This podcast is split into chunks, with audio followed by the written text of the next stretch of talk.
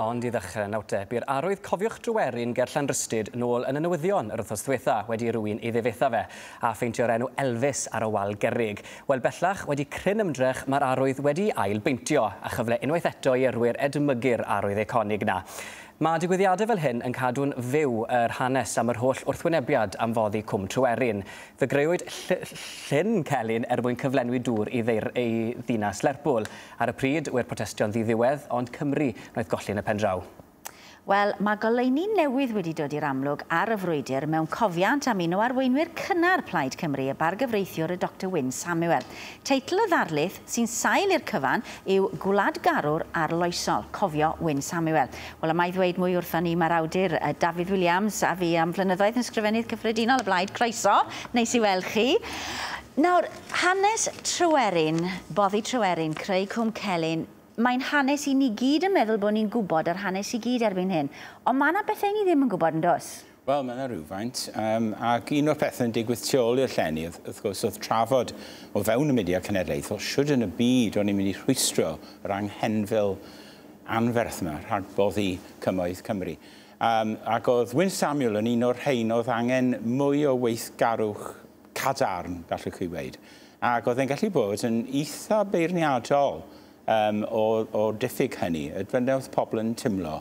A felly oedd gan arweinyddiaeth y blaid ar bryd tipyn o broblem sut i fynd ati i ymladd yn erbyn um, uh, corff, corfforaeth Lerpwl. Ie, yeah, a oedd dy fe safiad cryf hefyd ynglyn a, a sefydlu Senedd i Gymru, yn doedd? Oedd, oedd e, yn, unwaith eto, oedd eisiau mwy, o, mwy yn digwydd uh, yn ystod ymgyrch uh, Senedd i Gymru, a fe yn ddi ame fydde un o siaredwyr mwyaf tanbaid, mwyaf hiawdl uh, oedd, yn, oedd yn cael ei droi ar y llwyfan bob tro pan oedd yr ymgyrch Senedd i Gymru ar ei anterth. Mm. Wel, nawr deos, nag yw rhywun falle mwy'r gyfarwydd a hanes Dr Wyn Samuel. Chi'n fod yn mynd â'n un i nôl i'r dechrau de? Un o le oedd e? Right, mae hwn yn hawdd. right. Ystyl y Fera. Fe! Right. Oedd e wedi cael ei, um, i, i fagu yn, yn Ystela Fera, a fanna fe oedd yn fyw mwy na lai yn ddidor um, er bod ei gwaith yn mynd ag ei lefydd eraill, fanna oedd yn byw tan y chwedegau pan atho e i Sibenfro. Ac, um, yeah. so, so um, felly yslyferau oedd e, ac um, fe gafodd e y blentyndod eitha anodd y gweud y gwythwch chi, achos oedd ei dad wedi ei ladd, cyn bod Wyn wedi cael ei saith mm. miliwn, yn y ffosydd, wrth gwrs. Oh, yeah. Un o'r Cymru cafodd ei ladd yn rhyfel y byd cyntaf. Um, rai misoedd cyn diwedd y rhyfel hefyd. Mm. A felly oedd, oedd Wyn yn, yn cael ei fagu gan ei dacu um, Parchedig uh, William Jones, Sawar Ystylyfera um, a'i deulu fe. Oedd e'n un o aelodau cynnar Plaid Cymru yn doedd? Oedd e, oedd e wedi ymuno, a, a gweud y gwir, rhyw dair blynedd cyn Gwynfor.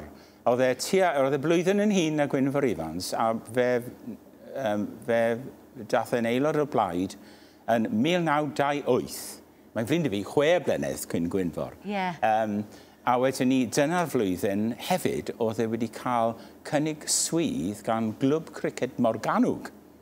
Ond pan ath adre, oedd, um, oedd i Lys Fawn ddim yn fodlon o gwbl. Oedd eisiau swydd mwy barchus. Yeah. A felly fe ddechreuodd e gwaith fel um, clerc cyfrifon i gyngor Abertawe, ond yn yr un flwyddyn, y oedd e a, a Plaid Cymru. Ac yn ten 2 ar 15 oed, oedd yn anerch cyfarfodydd ar y stryd. Wow. Yeah. Ac yn ifanc iawn oedd pobl yn meddwl mai fe falle bydde yr arweinydd rhyw ddwrnod. Wel, yn wir. Um, nes ymlaen yn ei fywyd oedd, oedd son, neu plaen y Saunders Lewis yn sôn am Wyn Samuel a Gwynfor Ifans fel y ddoi arweinydd potensial y dyfodol. Mm. Achos oedd yn un o'r cynghorwyr cynnar i'r blaid, hefyd? Oedd yn...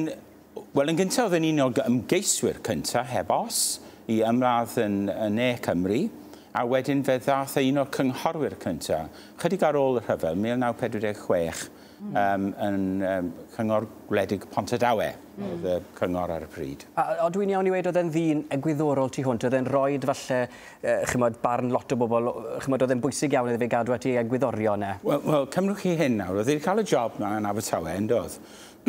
Ond, um, yn, y, yn y, y flwyddyn gyntaf y, y rhyfel, oedd y cyngor yn mynnu bod pob un o'i staff yn arwyddo datganiad mm. o blaid rhyfel, ac oedd e'n ffeili wneud e. Oedd e'n heddychwr. Cofiwch oedd wedi colli dad, dad mm. Do, yeah. Yeah. yn y rhyfel yes. fawr. Yeah. A hefyd oedd, oedd cefndir cryfyddol, mae'n cryf dyge. Yeah. A wedi e, na. A felly fe gafodd e fynd ar y clwts yna, gas e yeah. sac. Yeah. Chymod, mae ma nifer o gymeriadau gyda ni yng Nghymru. Chymod, i ni'n ni ffindo mas hmm. mwy amdani nhw ar ôl iddyn nhw farw falle. Chi'n bod, yeah. chi'n teimlo bod e ddim wedi cael digon o sylw? Uh, yn bendant, ie. Mm. Yeah, yn bendant, oherwydd...